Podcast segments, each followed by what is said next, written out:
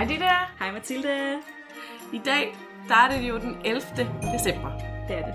og der skal vi tale om museer. Vi elsker museer. Vi elsker museer, og jeg elsker jul.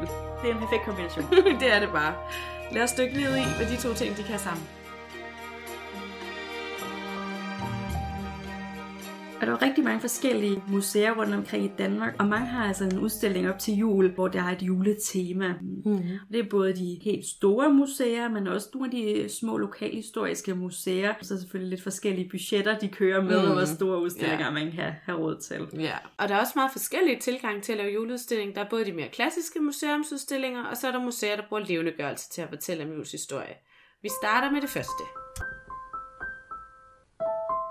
På Frederiksborg Slot i Hillerød, der øh, har man for tiden en øh, julekalenderudstilling.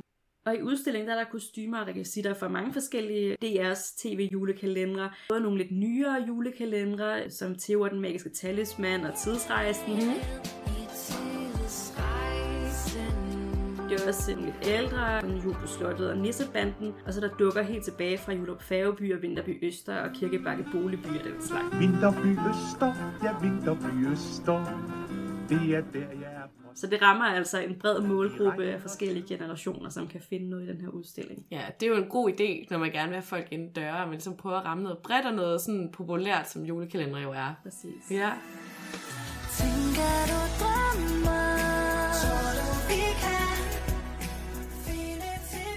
Nå, men det er faktisk noget, som de også har gjort på Møntergården i Odense. Der øh, har de lavet en julekalender med 24 lover, hvor man kan gå på jagt efter genstanden fra Tænker af Sjælens Spejl og Julehjertets Hemmelighed, som jo er de to konkurrerende julekalendere i år. Ja. ja, og det som der sker i Odense, det er også fordi, at øh, Julehjertets Hemmelighed er optaget i den fynske landsby Odense, så man føler nok, det også hører lidt til at fortælle noget der. Det er også optaget på Erholm Gods ved Aarup, som ligger på Nordvestfyn, og man kan godt forstå, at de så bruger det, at de har en lokation, som er øh, brugt i årets julekalender, ja. til at tiltrække nogen. Ja, i allerhøjeste grad. Frilandsmuseet i Kongens Lyngby er så også en del af den julekalender. Det er julehjertets hemmelighed På Frilandsmuseet i Kongens Lyngby, der kan man jo besøge flere huse, der er blevet brugt til at filme, blandt andet Karens hus, og i den fynske landsby, der kan man faktisk besøge Høloftet, hvor næsten Rumle fra julehjertets hemmelighed bor, og man kan også komme indenfor i Skovkonens hus. Jeg glemmer dig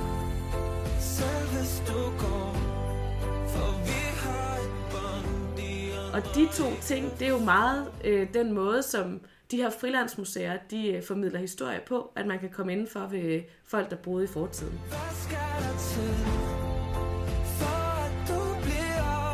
På frilandsmuseerne, der kan man jo smage, røre og dufte historien, og altså også julen. Der er ofte aktører hjemme i køkkenerne, som bager og byder på en bid mad. Og det kan man også opleve eksempelvis på Herregårdsmuseet Gammel Estrup, hvor køkkenpigerne bærer julebage fra en gammel kogekones øh, opskrifter. Og så også på Købstadsmuseet i den gamle by, hvor jeg jo faktisk selv har stået i købmandens køkken til jul og lavet alt fra grøn langkål til kogt flæsk og kogte kleiner i svinefedt.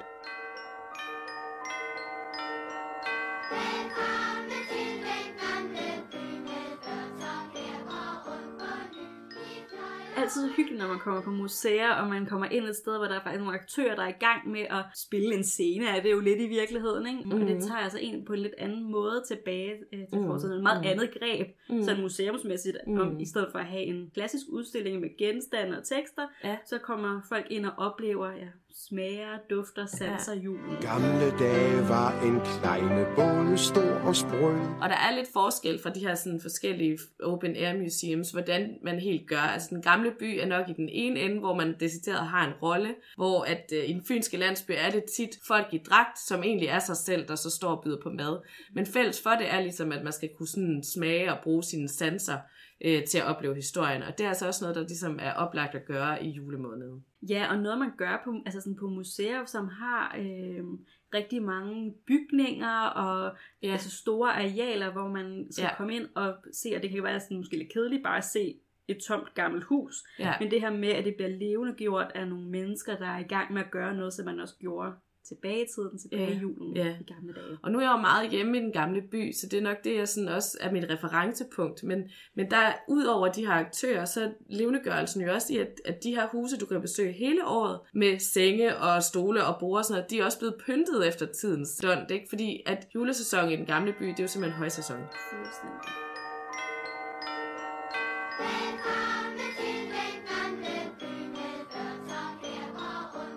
Men sådan har det jo ikke altid været. Øh, ideen til den her måde at formidle om julen på, den opstod i 1996.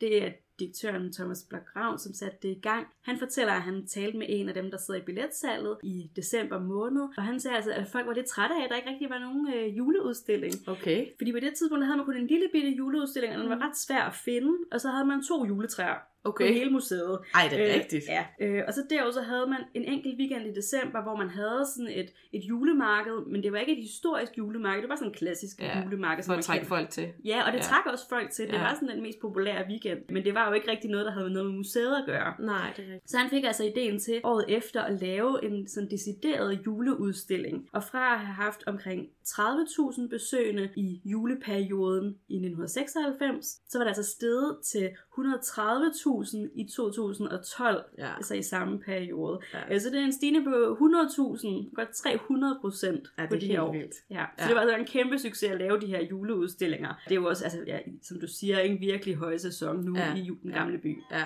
altså nu arbejder jeg jo et par år efter det, ikke? Der var virkelig travlt i julen. Der var virkelig mange mennesker. Ja. ja.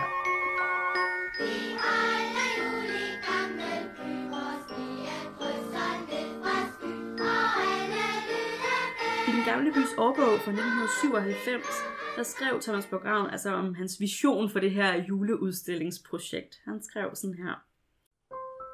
Juleudstillingerne vil fremover blive en kavalkade over, hvordan man holdt jul i de forskellige epoker og sociale lag, som den gamle bys interiør afspejler. Fra renaissancens sparsomme julepyntning til mellemkrigstidens moderne jul. Og det må man jo sige, de gør i dag.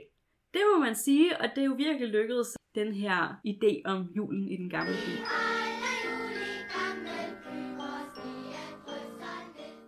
For at dykke ned i historien, så har gamle by jo valgt at fokusere på tre forskellige årstal. Det er 1864, 1927 og 1974. Og snart også 2014. Det er nemlig rigtigt.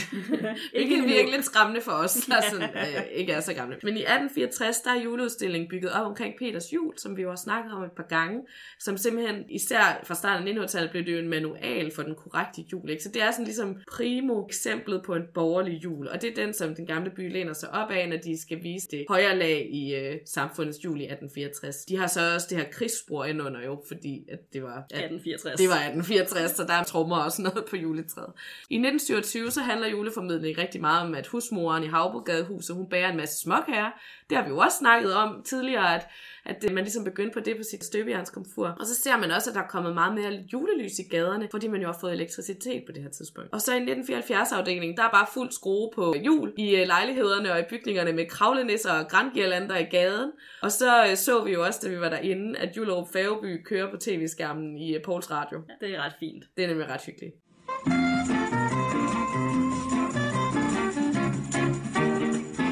Så det er altså en anbefaling for os, hvis man godt vil ud og smage og dufte og røre ved julen, så er der nogle museer rundt omkring i Danmark, hvor man kan det her i øh, december. Ja, og hvis man gerne vil se en lidt mere klassisk øh, museumsudstilling om julen og om julekalender, så er der altså også masser af muligheder. Det er også forskellige steder i landet, så det er bare med at finde sit lokale museum og se, om ikke de har en god udstilling, man kan tage ind og se. Vi er i hvert fald altid fortaler for at tage på museum.